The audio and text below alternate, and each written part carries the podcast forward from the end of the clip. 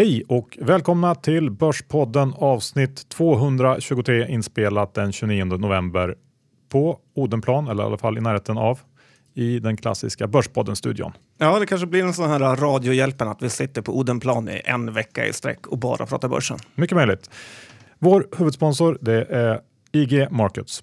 Ja, det är det. Och eh, det är ju så att eh, det här bitcoin-rallyt som vi haft är ju väldigt lätt att haka på när, om man har IGs eh, app. Man kan ju trada bitcoin alla dagar dygnet runt eh, faktiskt. Och eh, om man ska vara ärlig så har ju faktiskt många av de här bitcoin-rallyna tagit fart under helgerna. Och har man då inte IG så är det väldigt svårt att eh, haka på eller justera sin position. Dessutom är det så att Eh, de, gör man fyra affärer eller mer under en månad så får man eh, Pro Real Time, eh, deras plattform, och eh, den är väldigt uppskattad. Så att, eh, gå in på IG och läs mer om det här. Eh, jag är imponerad. Ja. Vi är också sponsrade av Trine som för första gången har fyra kampanjer uppe på plattformen samtidigt. Eh, det här är bra för då kan man diversifiera och sprida sina risker lite grann. Och eh, ni som är intresserade vet att vi har en kod, Börspodden, som ger en eh, liten bonus på 10 euro eller en, en gåva att investera och eh, värt att veta när det gäller den är att eh, man kan bara använda den första gången man investerar på plattformen. Men eh, gå in på jointrine.com och kika på de här fyra projekten som nu ligger uppe. John, vad ska vi snacka om idag? Idag är vi tillbaks. Inga gäster, nästan. Vi får en liten påhälsning i slutet av podden, men i övrigt är det bara du och jag. Ja, det känns ju kul. Det känns som gästerna ibland vill ta över vår aktieprat, Johan. Eh, men det får de inte. Nej, så idag blir det det gamla vanliga. Massa snack om bolag eh, som har rapporterat och andra händelser. Har varit mycket kapitalmarknadsdagar på slutet till exempel. Och eh, ja, lite bitcoin blir det också. Ja, det låter som ett väldigt spännande avsnitt. Om jag inte spelade in det själv hade jag lyssnat. Härligt. Innan vi kickar igång så är vi också sponsrade av Orgotech som är på väg till Aktietorget. Fram till den 8 december så genomför de en fullt garanterad noteringsemission på 6 miljoner kronor och eh, bolaget är värderat till 24 miljoner pre-money. Första handelsdag beräknas till 20 december 2017. Och det här är ett IT-bolag som har utvecklat en bildoptimeringsprodukt där alla som äger en webbplats som tyngs av hög trafik och högupplösta bilder drar nytta av den här produkten som Orgo har tagit fram. Kundnyttan är då helt enkelt högre konvertering, fler annonsvisningar och lägre bredbandskostnader och man har flertalet kunder, däribland influencers via Torun Media och e-handelsbolag. För den som tycker att det här låter intressant ska man gå in och läsa mer. Det finns ett memorandum publicerat på orgotech.com och på Aktietorget. Ja, och se som vanligt till att göra din egen hemläxa. Gå in och läs på. Nu kickar vi igång dagens avsnitt.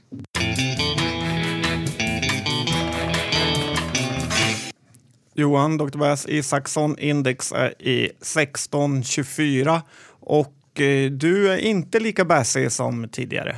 Nej, inte, inte helt kanske. Den här Spindelmannen-känslan jag hade för några veckor sedan var ju faktiskt helt rätt. Vi var strax under 1700 då, men sen så har vi haft en riktigt svag börs. Vi hade väl eh, åtta dagar ner i rad där, vilket väl inte har hänt sedan Moses typ.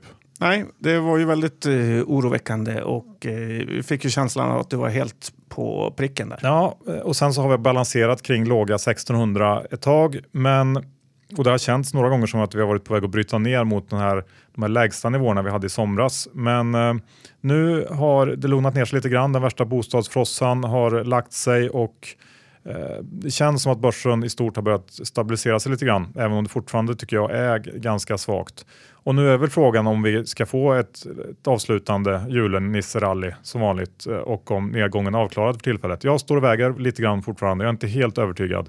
Eh, närmsta tiden här för att avgöra, tror jag. Ja, jag är väl lite mer lutad åt det positiva hållet. En trist eh, november kanske avlöses av en lite roligare december. Men man får komma ihåg att det ofta brukar ta fart först i slutet av december. Mm. Vi går över till Black Friday. Det har ju ingen missat att vi haft. Nej, då eh, känns det inte som att man öppnat någon tidning. Och eh, jag har ju faktiskt testat några butiker här som eh, onlinebutiker då, som är börsnoterade för att se hur de fungerar. Och eh, först ut var Boost.com. Har du handlat där själv? Ja, det har jag faktiskt gjort. Okej, okay. eh, det är ju lite märkligt att Boost inte har reggat boost.se utan det har någon random gammal tant gjort och bara det är ju en varningsklocka. Ja, lite miss där. Jag har också tänkt på det. Det borde de använt en del av emissionspengarna till att köpa in den. Ja, och de hade ju massor, massor av deals. Eh, en annan grej jag tänkte på var ju att Björn Borg måste ha problem för att nästan alla deras varor var 50 procentigt eh, nedsatta och det var väldigt mycket Borg-grejer faktiskt. Eh, sen köpte jag grejer för ungefär två papp och då var det helt omöjligt att betala. Två gånger knappa in det här bank-id och godkände och sen blev det bara Kaiko. Eh, så att det var ju lite sopigt faktiskt. Till slut fick, eh, om det var Klarna eller någon annan, hjälpa mig med faktura för att få det hela att gå igen. Men så segt ska det inte vara. Eh, CDON däremot gick allt hur smidigt som helst och de hade väldigt eh, grymma priser. Jag köpte en Playstation 4 där och lite spel och det var ju verkligen ingen som kunde matcha priserna där. Eh, och dessutom så var jag på en fest på kvällen då eh, faktiskt folk jag aldrig träffat förut också pratade om att de hade Black Friday handlat på CD-ON. Så att, eh, det känns som att det ska bli spännande att se hur det går för dem. Sen var jag även inne på Sportamors hemsida och jag gillar verkligen den sajten. Det är bra sökfunktioner och de har ett bra, enormt urval kan man säga. Eh, de kan ha något på G. Jag äger i och för sig den aktien och eh, cirka 30 procent back på den. Så att, eh, lita inte på mig, jag kanske bara vill ha tillbaka mina pengar. Ja, jag, jag, jag var också ute och handlade lite grann, men det jag märkte dessutom var att jag hade problem med mina mejl här under helgen och i början på veckan på grund av att det hade varit så mycket ja, utskick i samband med Black Friday att det blev stopp helt enkelt. Och det är väl säkert något liknande som, som Boost har upplevt med sin betalningsfunktion. Så att jag tror att Eh, det verkligen har handlats på nätet under eh, den gångna veckan. Ja, det är bra eh, take. Ja. Vi går över till något helt annat. Den lilla korpfirman Vator har ju kommit på ett snilledrag om. Vet du vad det är? Ja, jag gissar att det har med två bokstäver att göra. Precis, det är ju att låta Leif GW Persson får teckna ordentligt med aktier i alla sina noteringar, vilket i sin tur då ger gratis artiklar i diverse tidningar med horder av eh, småsparare som våldstecknar som följd. Smart kan man tycka. Eh, nu senast var det Bioworks där teckningsperioden gick ut igår. Jag har inte ägnat någon tid alls åt något av de här bolagen så jag kan inte säga någonting om det utan mer noterar deras eh, lite kluriga upplägg med eh, GV-effekten. Ja, det är rätt eh, patetiskt egentligen hur journalisterna luras och eh, skriver varje vecka eller varje gång GV tecknar något. Han vet ju precis ingenting om biotech kan man ju vara rätt eh, säker på. Men eh, hås blir det. Ja, och, nyttiga idioter tror jag brukar kallas. Ja. Vi går över till något helt annat. Du vill införa eh, borgen, eller bail som det heter i USA, i Sverige. Ja, faktiskt. Det är dags att eh, ta efter ännu en bra grej USA hittar på. Och jag har ju följt den här Fortnox-härvan. Eh, och jag tycker det är lite sinnessjukt egentligen att låsa in största ägaren där i en månad i häktet i väntan och under rättegången. Eh, caset där, för de som inte har följt, är ju att den här gubben, vad är det han heter Johan?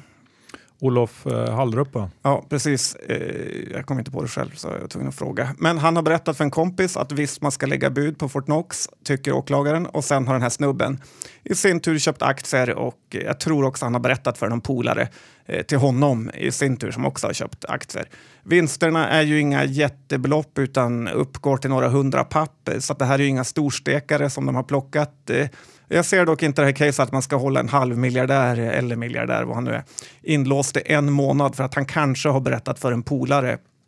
Det skulle vara betydligt effektivare att som i USA ge honom en borgen på kanske 20 millar och eh, istället då för att låta staten ha såna enorma kostnader för häktade personer. Risken att en sån här gubbe ska fly är ju i princip noll för ett sånt här, ja, det är inget jättebrott, särskilt om man äger 20 procent i ett börsnoterat eh, bolag. Så att risken för flykt är ju rätt eh, låg. Sen måste man ju säga att det är rätt kul med det här ekobuset eh, som de kallar det.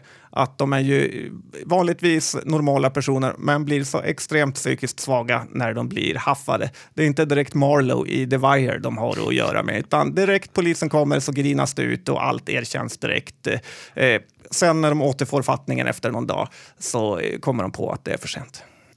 Ja, men, men skuldfrågan då, tror du att han har gjort det här eller inte? Ja, men det känns ju rätt eh, självklart att han har gjort det. Att hans kompis erkänner det och sen har eh, dessutom köpt massa aktier och att hans kompis har köpt aktier. Lite skulle jag säga att här har han fastnat duktigt. Ja, och det är väl det jag liksom kommer tillbaka till på något sätt, att så otroligt dumt gjort. Så att eh, jag tycker ändå att det är lite rätt åt honom att han sitter där i häktet. John, vi lämnar här. Eh, Bitcoin har vi också sagt att vi ska prata lite om. Ja, det tycker jag att du är skyldig det svenska folket som har, eh, där du verkligen varit helt rätt på pucken under flera år nästan. Ja, eh, så är det faktiskt. Vi har ju haft en explosionsartad uppgång här under hösten. Och eh, vad beror det på? Ja, det finns väl flera olika anledningar. Dels har ju folk börjat upptäcka det i allt större grad. Snart kommer vi också få en terminsmarknad för bitcoin, eh, vilket antagligen drivit på på slutet här. Och dessutom så märker jag att det är institutionellt kapital som faktiskt är på väg in på riktigt nu. Och som jag sa förra gången vi pratade om bitcoin så kan det här bli en hur stor bubbla som helst egentligen. Eh, den har alla egenskaper för att bli det. Och eh, det, är lite svårt för folk som är nya i det här att se på, veta hur man ska se på bitcoin. Och ett enkelt sätt som jag tycker man kan, eh, i banor som jag tycker man kan tänka är att se det som ett digitalt protokoll för tillgångar. Man kan jämföra till exempel med HTTP eller TCP/IP eller SMTP alltså protokoll för internet och, och mail. Men i de här fallen, internet och e-mail, så var det ju inte de här protokollen som värdet hamnade i, utan det var i företag som byggdes ovanpå, till exempel Google eller Facebook.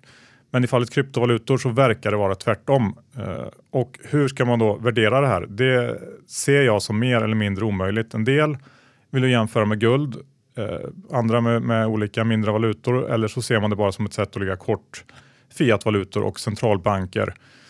Men jag vet heller ingen vettig människa som verkligen satt sig ner och gjort ett ärligt försök att läsa på och sätta sig in i det här fenomenet som sen avfärdat det eh, på det sättet som till exempel Jimmy Diamond gjorde eller Hemberg gör. Och därför tycker jag ett bra och lättillgängligt tips om man vill liksom börja skrapa lite på ytan i den här kryptovärlden är podden Invest Like the Best som för någon månad sedan hade en en liten dokumentärserie om eh, kryptovalutor kan man säga som eh, heter Hashpower. Den är i tre delar och finns där poddar finns. Så lyssna på den eh, för att, ja, till att börja med. Ja, och tack för att du inte nämnde mig av eh, bland folket som har avfärdat eh, bitcoin som investering.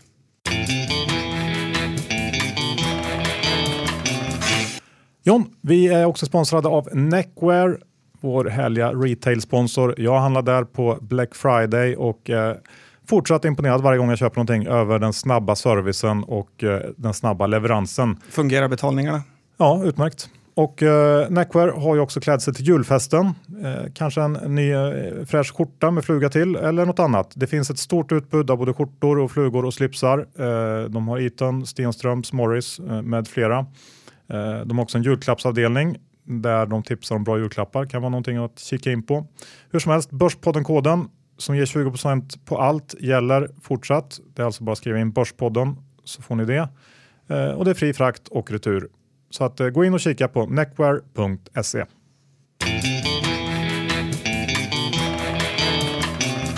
John, vi drar igång bolagsdelen med en riktig rövrapport. Malmbergs Elektriska. Vad var det där egentligen?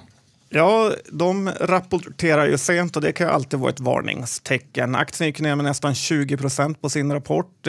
Den har inte heller studsat upp därifrån som de ibland gör när de tappar så här väldigt mycket. Och jag tycker det är helt rätt att den ligger här. Eh, det är ett problem, tycker jag också, med aktier som kan dela ut hela vinsten och under en period så får de fina vinster. Då tenderar börsen att värdera upp de här bolagen alldeles eh, för högt. För jag kan tycka, varför ska man värdera någon som säljer kontakter till byggare till P17? Nu kommer baksmällan och den här kan bli lång. Byggbranschen är ju en svacka och det kan man ju lugnt se i resultatet för Malmbergs eh, jag jobbade, eller jag hade inhyrd in en polsk hantverkare en gång och han snackar alltid om Malmbergs eh, på sin lilla bryt, brytning. Dessutom så har de ju rätt sjukt fula grejer. Eh, det han kom tillbaka med där var inte direkt som han var imponerad med. Men jag vet inte om det kanske var den polska smaken. Johan. Ja, hur som helst har de ju sålt massor av sådana här prylar under byggboomen vi haft och Därför är det lite märkligt ändå eh, när man tittar på Q3 som var riktigt dålig. Resultatet var ju mer eller mindre bortblåst och eh, man fick inte riktigt någon, någon förklaring alls till varför. stod någon mening om eh, nya produkter som skulle anpassas för exportmarknad eller vad det var. Och, ehm, det här är oroande. Dels för att vi fortfarande har en rejäl boom eh, för byggbolagen och de som levererar till dem. Eh, men frågan är hur det här kommer att se ut eh, nästa år till exempel. Jag eh, skulle ju inte bli förvånad om vinsten rasar rejält och som du säger, då är den här aktien fortfarande väldigt, väldigt dyr. Det är den även om de skulle leverera fortsatt höga vinster så ser det dyrt ut tycker jag. Så att det här är ju stay away. Ja, och kom ihåg, akta er för att värdera bolag efter direktavkastningen. Ja, bra tips. Jag har kikat lite grann eh, på Amer Sports som vi pratar om ibland. Du vet Salomon, eh, Atomic, Arcteryx eh, och så vidare. Sunto, löparklockor. Ja, något tennisracket har de med, Wilson va? Exakt, och nå, någon slags baseballmärke som ingen svensk vet vad det är, men de är tydligen stora i baseball i USA. Hur som helst, det här bolaget har haft ganska tufft eh, senaste året. Aktien har tappat ungefär 20 procent och eh, Amer har väl haft ungefär samma problem som många andra i retail det här med att eh, allt, allt flyttar till, eh, till nätet från butiker och eh, det här bolaget som då sitter på ett antal fina brands har historiskt sett i stor utsträckning sålt B2B, det vill säga till stora kedjor och grossister och distributörer och så vidare. Och när den här migrationen har skett så har man tvingats investera stort i sina egna B2C-kanaler som det så fint heter. Eh, det här har kostat och eh, ja, har varit jobbigt helt enkelt, men det börjar också ge resultat nu. Och min känsla är ju ändå att bolag med den här typen av brands borde ha ganska goda förutsättningar för att klara av det här skiftet som pågår i branschen. Eh, handlas till P15, EVB 12 nästa års prognos, vilket jag ändå tycker känns rätt intressant, speciellt om om de börjar nå över the tipping point på något sätt när det gäller mixen av försäljning. Så att det, det, jag tycker att det är ett bolag man kan hålla koll på. De har tappat en hel del och uh, ja, fina, fina brands är ändå värda någonting. Ja, det tycker jag också. Man ska alltid eh, tänka på det. Däremot har ju andra bolag som till exempel Under Armour gått eh, katastrofalt också sista tiden. Så det är ingen lätt eh, bransch att vara i. Nej, så är det. Eh, relaterat är väl New Wave kanske? Ska vi säga någonting om dem? Ja, och här tycker jag att man eh, som så ofta förundras över hur fel man förstår börsens reaktioner. Eh, och det är trots att man tittar på den varje dag. New Wave och deras rapport är ju en sån. Eh, jag tycker den här rapporten var väldigt bra. Jag tycker de, att det visar lite som du säger att om det är något man ska satsa på inom retail så är det den här typen av bolag som inte är beroende av butiker eller mode. Torsten var dessutom konfident i, i vd-ordet och värderingen är faktiskt låg. Det är P11 för ett bolag som växer. Det får man nog säga är billigt. Torsten själv klippte ju till och köpte aktier för eh, cirka 10 miljoner efter den här rapporten. Eh, och eh, den står ju fortfarande lägre än vad den gjorde på själva rapportdagen nu.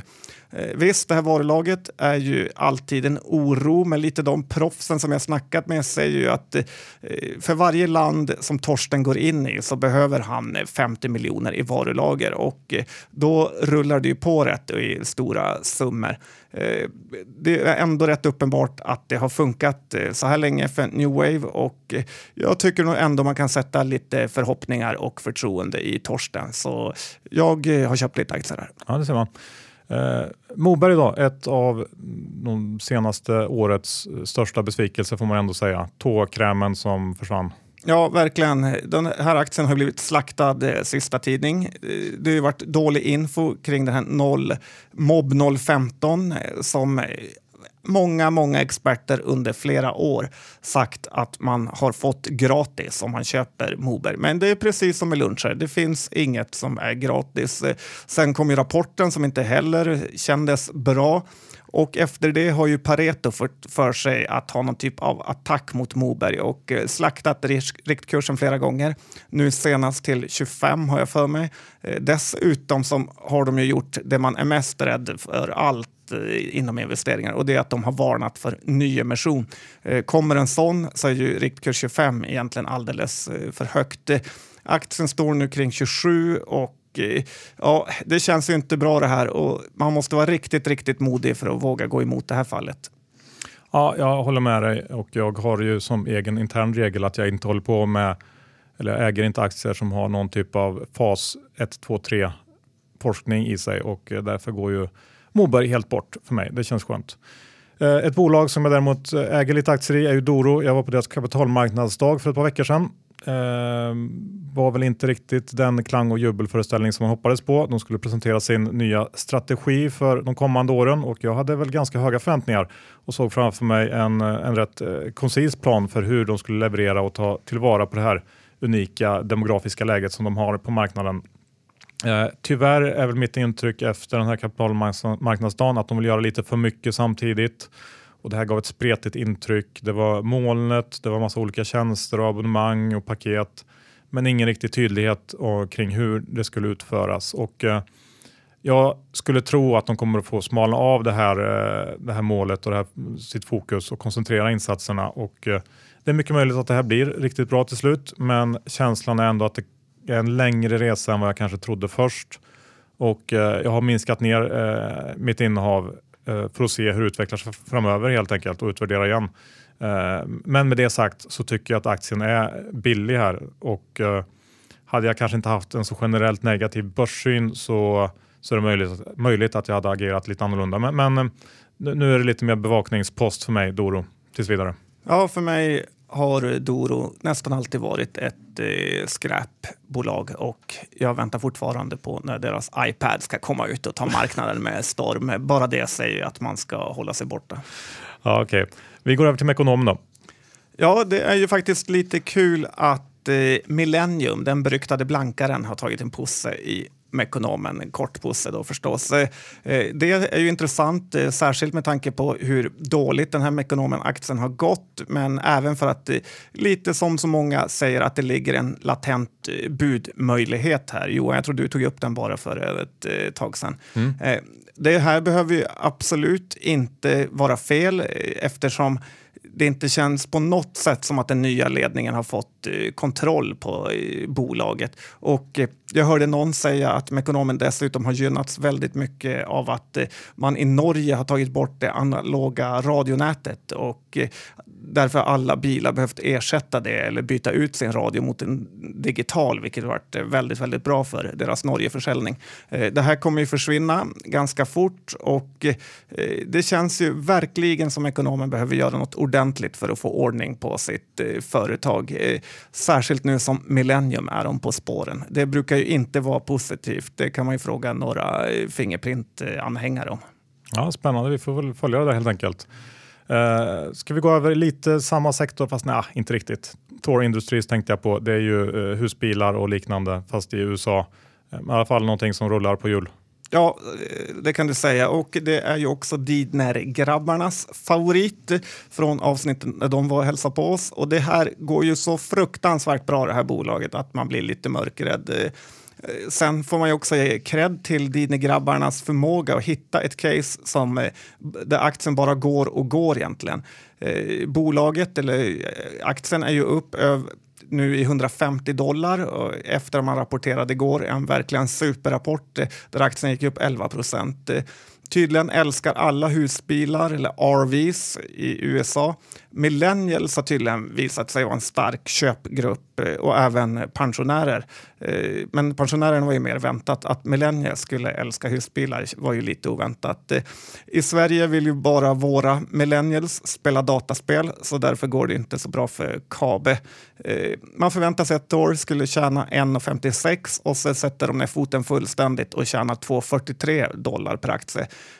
Så att man får faktiskt säga att det är kul att en svensk fond låter svenska fondsparare kapitalisera på det här. Eh, ja, ja, mycket snyggt. Eh, vi går över till Clas Olsson där man kan väl fundera lite grann på om den här bostadsdippen har påverkat eh, ja, konsumenterna än. Då borde kanske Clas Olsson vara en sån eh, aktör som borde känna av det. Känns väl inte som att det riktigt gjort det än, men eh, nästa onsdag så kommer Clas Ohlson med sina Q2-siffror. De har brutit räkenskapsår och kanske kan vi få lite mer ledtrådar kring det här. Eh, förväntningarna är ganska låga inför rapporten. Ebit väntas väl komma in lite eh, ja, mer eller mindre oförändrat mot förra året och eh, när det gäller försäljningen i november så väntas den här negativa trenden i like for like försäljning att fortsätta med låga ensiffriga tal minus. Och på många sätt så känns det som att man sitter i samma sitt som H&M med för många och kanske för stora butiker där försäljningen minskar och nätet tar mer. Eh, inte lika tydligt kanske här som i hm fallet men ändå så, så tror jag att det är så. Och det här slår ganska hårt mot lönsamheten eftersom kostnader för, för butiker de är fasta eh, mer eller mindre. Aktien handlas kring ev ebit 14 nu vilket jag kan ändå tycka som fortsatt för dyrt trots nedgången eh, givet de här, eh, de här utsikterna med eh, sjunkande försäljning och allmänt eh, tråk. Eh, jag eh, stannar utanför här tills vidare också. Du gillar ju Clas Ohlson, jag vet inte vad du har att säga till ditt försvar.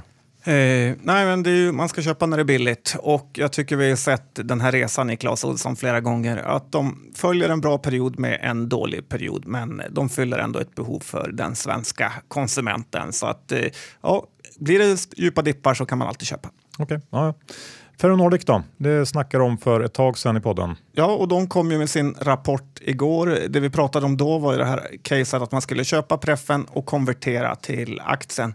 Eh, det har väl egentligen återigen visat sig vem som egentligen är bäst på preffar i Sverige. Tycker du det Johan?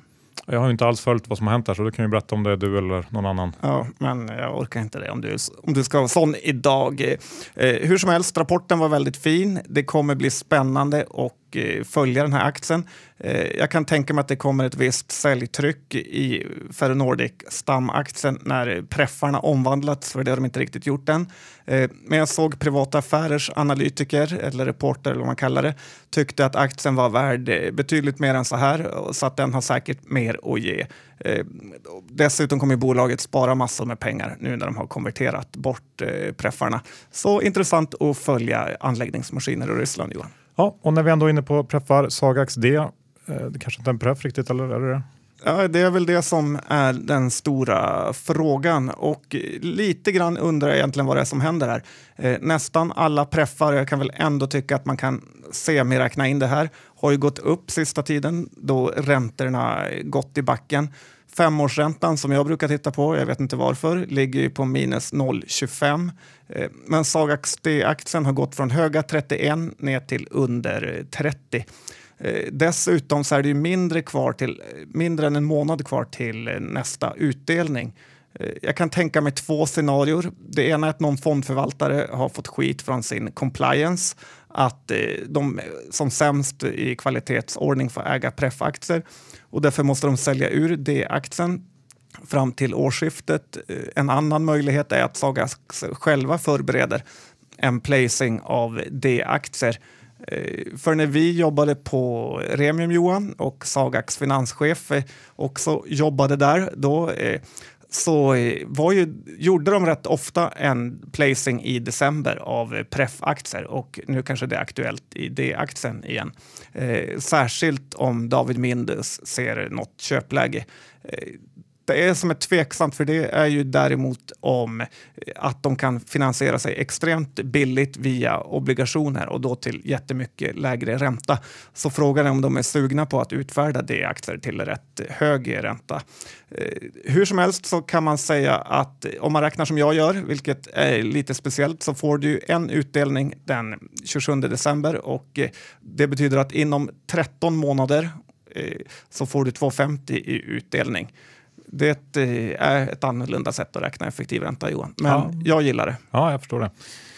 Det gynnar väl ditt case så att säga. Eh, SJR, om vi ska helt eh, byta bransch, eh, rapporterade här för någon dag sedan. Du har kikat på den John, vad tyckte du? Ja, det är ju Thomas Linnalas, Rest in Peace som de säger, gamla favorit och den levererar stort. Ännu en bra rapport. Bolaget är inte billigt överhuvudtaget. Lite sån här Malmbergsvarning att de kan dela ut hela vinsten i en lite halvsvajig bransch. Eh, aktien är kring P15 nu. De har ju bra eh, balansräkning och i princip inga investeringskostnader. Och, eh, då funkar det också att dela ut hela vinsten. Eh, dessutom så är ju bolaget en bra värdemätare på hur eh, Eh, företagen ser på framtiden här framöver kan jag tycka. Och de guidar väldigt ljust så att eh, det är ingen krasch vi ser här framåt kan jag lugna dig med Johan. Eh, kanske får vi se en, börs, en köprek från Börsveckan som gillar den här aktien. Men i övrigt så är jag ingen riktig trigger att äga det här om den inte skulle ligga i en utdelningsportfölj. Bra, tack för den uppdateringen John. Jag har eh, avslutningsvis innan eh, Anders från FlexQ kommer hit tittat på eh, lite vårdbolag som eh, jag ju gillar ändå på något sätt, inte så konjunkturkänsligt och så vidare.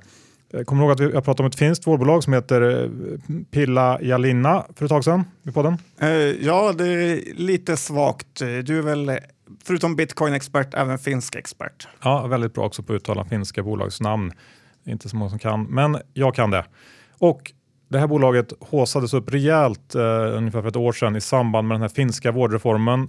Eh, men sedan dess har den här aktien haft det tufft. Den är ner 20% sedan årsskiftet och det verkar ju som att marknaden har tagit ut lite för mycket för tidigt som så ofta på börsen.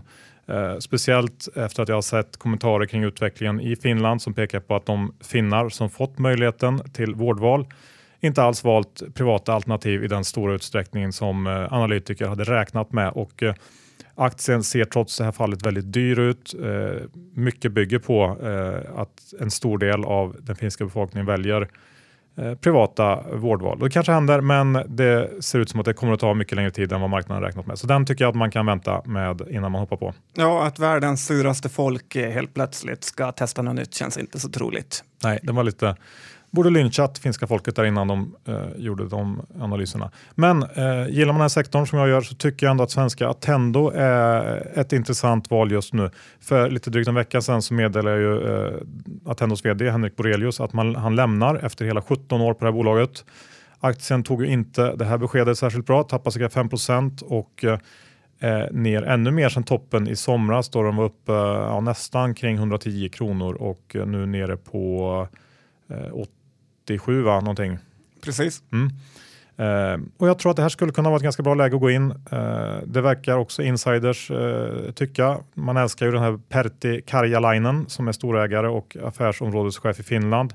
Han gick in och köpte aktier för knappt 17 miljoner förra veckan och Eh, jag tror de flesta kommer ihåg när han var inne förra hösten och köpte eh, stort eh, i Attendo när aktien var svag senast. Så att ja, känns som ett ganska bra läge. Knappt P17 på nästa års prognos. Det är ju inte billigt men billigare än på länge och det här är en stabil verksamhet som jag tycker att man kan liksom sitta lite säkert i.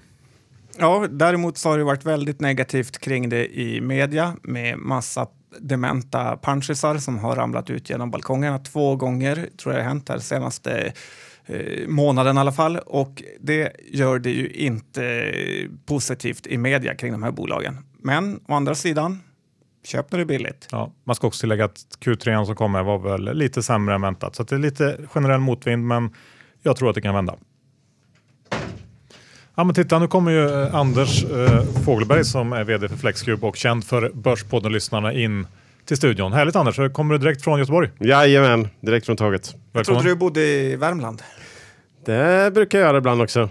Men nu, nu bor jag i Göteborg. Ja, och eh, jag tror att de flesta som är lite aktiva på börsen och Twitter har noterat att du och Flexcube, ditt bolag, är på väg in till börsen. Och Börspodden-lyssnarna har ju följt dig och Flexcube under ett par år nu, så det känns ju naturligt att du kommer hit och berättar lite om det här, eller hur? Ja, det känns jättebra. Det känns jättekul. Berätta, vad, vad, vi kan ta en liten kort uh, genomgång av Flexcube och vad ni gör. Ja, Flexcube det är ett bolag som jag jobbar med sedan uh, slutet 2010 egentligen uh, tillsammans med två kompisar, Christian Thiel och Per Augustsson. Då vi startade här. Vi såg ett behov egentligen av att förändra hur man arbetar med internlogistik och framförallt vagnar då, eh, inom tillverkningsindustrin. Eh, fram tills idag så har man jobbat egentligen enbart med svetsade lösningar och eh, med allt större förändringar och snabba saker som händer i industrin idag så, så kan man inte ha en så konstant och fix lösning som svetsade vagnar. Utan vi har infört ett modulärt och flexibelt system som kan liknas vid ett eh, industriellt lego egentligen, eller mekano om man är lite äldre. Så vi har eh, bitar egentligen som kommer i standardiserade längder med ett standardiserat interface som man bultar ihop istället för att svetsa. Då. Det här gör att man kan förändra och anpassa saker efter um, tid och uh, då sparar man pengar och förlänger livscykeln för de här produkterna och sänker kosten. Ni har ju redan börjat uh, sälja faktiskt rätt mycket. Vad har ni för kunder? Vi har ganska namnkunniga kunder. Vi var tidigt ute och identifiera vilka typer av kunder vi ville ha. Så då började vi helt enkelt att göra en lista och ringa de här kunderna och uh, vi har sålt till 20 länder idag. Största marknaden är USA eh, och det är där vi växer snabbast också. Men vi kan väl nämna, vi har Volvo Cars eh, till exempel, det är hela deras internlogistik för nya fabriken i USA kommer med vagnar från oss. Och vi har Whirlpool, Cummins, Autoliv som också är känt här såklart. Och, men vi har, vi har även en del konsumentrelaterade företag som L'Oreal och Zalando. Och vad siktar ni på att ta för kunder i framtiden? Är det att växa med samma kunder eller hitta nya? Vi har ju en massa andra namnkunniga kunder som vi tyvärr inte får nämna som kanske skulle ses av lyssnare som ännu häftigare. Då. Men uh, vi har väldigt mycket kunder inom fordonsindustrin och underleverantörer där. Men vi vill ju fortsätta att växa inom de här stora globala företagen och det är därför vi har vänt oss till dem från början också för att vi tror att de har ett behov av att införa någonting som är mer standardiserat och ser det som en fördel av att vi kan leverera på flera kontinenter exakt samma produkter. Hur ser den här marknaden ut då som, som ni är ute och slåss på? Marknaden idag består av massa lokala aktörer som, är, som erbjuder svetsade lösningar som jag sa. Och det här kan vara små företag som eh, Lasses eh, Mekaniska AB ungefär som levererar till en enskild fabrik, eh, exempelvis en Scania eller Volvo-fabrik. Och eh, omsätter kanske 20, 30, 40 miljoner.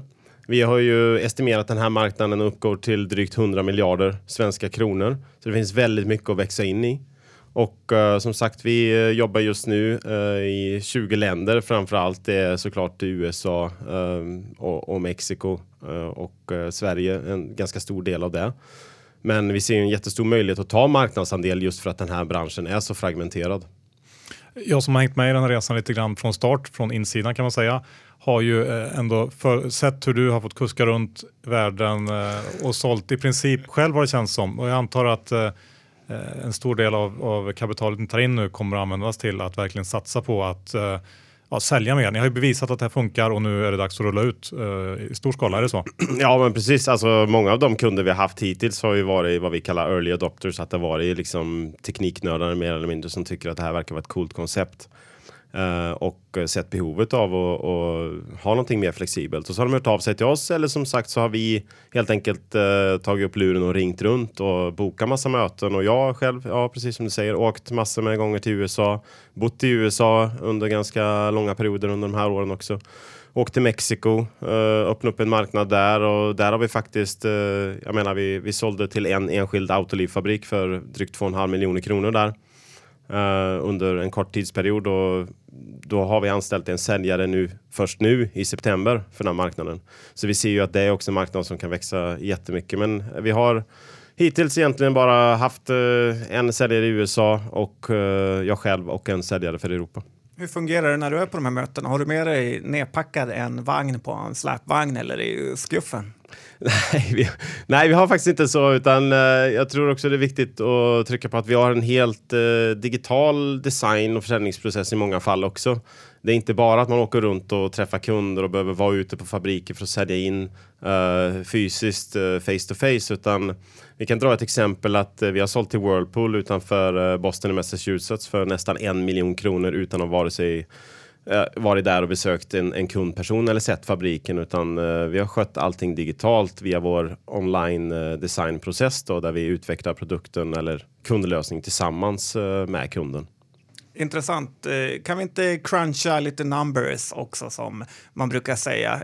Berätta lite om värderingen och hur mycket pengar ni tar in. Värderingen är 150 miljoner och vi tar in 40 miljoner kronor. Uh, och uh, av de här 40 så är nästan 10 miljoner redan uh, tagna av Diner och Gerges uh, Small och Microcap-fond med förvaltare Carl Granat och Henrik Sandell som ni har haft i, i podden här innan.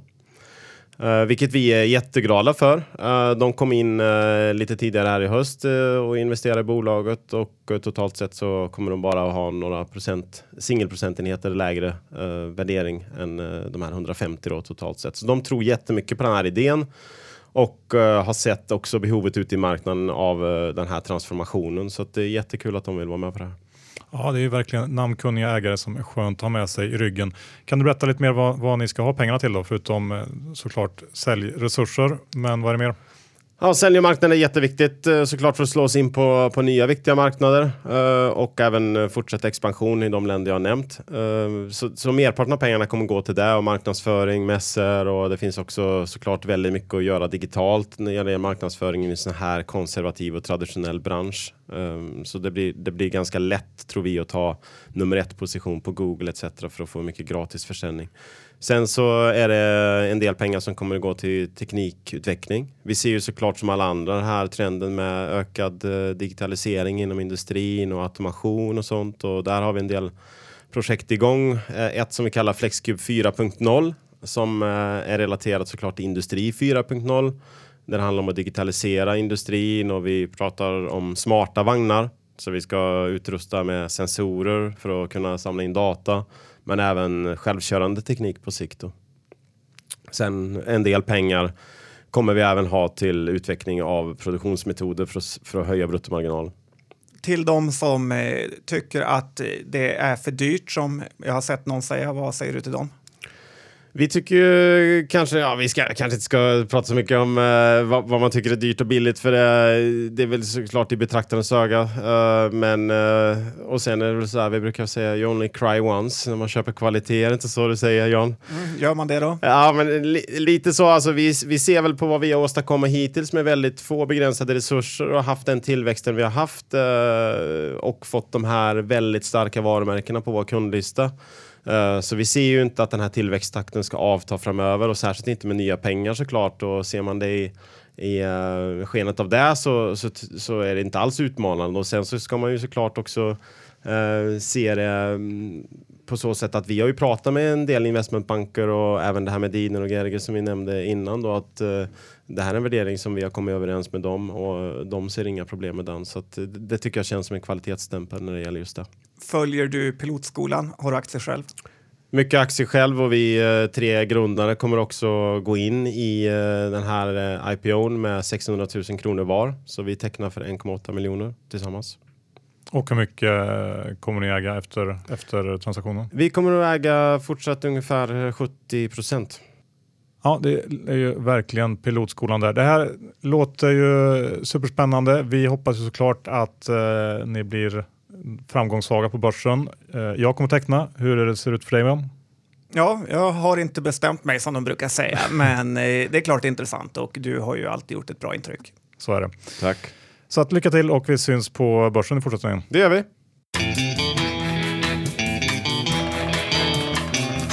John, avsnitt 223 är slut. Det blir matigt och välfyllt. Ja, det ska det vara när det lackar mot jul. Så är det. IG Markets är vår huvudsponsor, eller hur? Ja, gör fyra affärer, få deras eh, härliga handelsplattform och kom ihåg att du kan trada bitcoin dygnet runt 24-7 365. Mm. Trine, som också sponsrar Börspodden, har nu fyra stycken kampanjer uppe på plattformen med olika solenergibolag. Och eh, det här ger ju en bra möjlighet att faktiskt sprida sina risker. Om ni är intresserade, gå in på jointrine.com, eh, kika runt Eh, och om ni investerar så kan ni använda koden Börspodden så får man 10 euro i startbidrag och viktigt att veta att det här gäller enbart första investeringen man gör. Så är det.